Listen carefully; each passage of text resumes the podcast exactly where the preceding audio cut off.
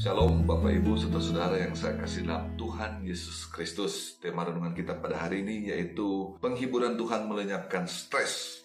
Nah, Mazmur pasal 94 ayat 19 dikatakan, Apabila bertambah banyak pikiran dalam batinku, penghiburanmu menyenangkan jiwaku. Bapak, Ibu, Saudara-saudara, setiap kita pasti pernah mengalami namanya stres, di mana kita merasa susah, sedih, sudah tidak ada jalan keluar, kita merasa tidak ada jalan keluar dari setiap persoalan masalah yang kita hadapi. Bahkan kan uh, kita merasa sudah tidak ada harapan lagi sehingga kita pasrah dengan kondisi yang ada. Dan kalau kita mau memikirkan persoalan kita itu mungkin akan membuat kita semakin tertekan. Akhirnya dengan kondisi yang stres seperti itu kita berusaha dengan berbagai macam cara untuk bisa menghilangkan stres tersebut. Tapi sering kali yang terjadi, cara yang kita pakai itu bukan membuat situasi semakin baik, tapi membuat situasi semakin lebih buruk dan meningkatkan stres kita. Penulis Mazmur pasal 94 ini pernah menghadapi hal tersebut, mengalami hal tersebut, sehingga dia bersaksi akan hal tersebut sih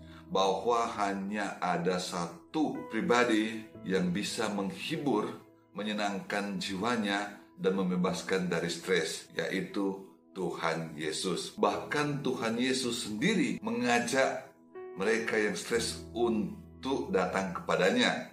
Kita baca dalam Matius pasal 11 ayat 28 sampai 30. Marilah kepadaku semua yang letih lesu dan berbeban berat. Aku akan memberikan kelegaan kepadamu. Pikulah ku yang kupasang dan belajarlah kepadaku karena aku lemah lembut dan rendah hati dan jiwamu akan mendapat ketenangan, mendapat penghiburan sebab kuk yang kupasang itu enak dan bebanku pun ringan. Jadi Bapak Ibu Saudara-saudara, hanya di dalam Kristus ada pertolongan atas setiap persoalan dan masalah yang berat yang kita hadapi. Dalam Kristus ada penghiburan untuk jiwa kita, ada kelepasan dan kelegaan dalam jiwa kita, dan ada kekuatan baru untuk membangkitkan semangat kita. Jadi hanya Tuhan Yesuslah yang melenyapkan stres kita. Percayalah, kuatkan dan teguhkanlah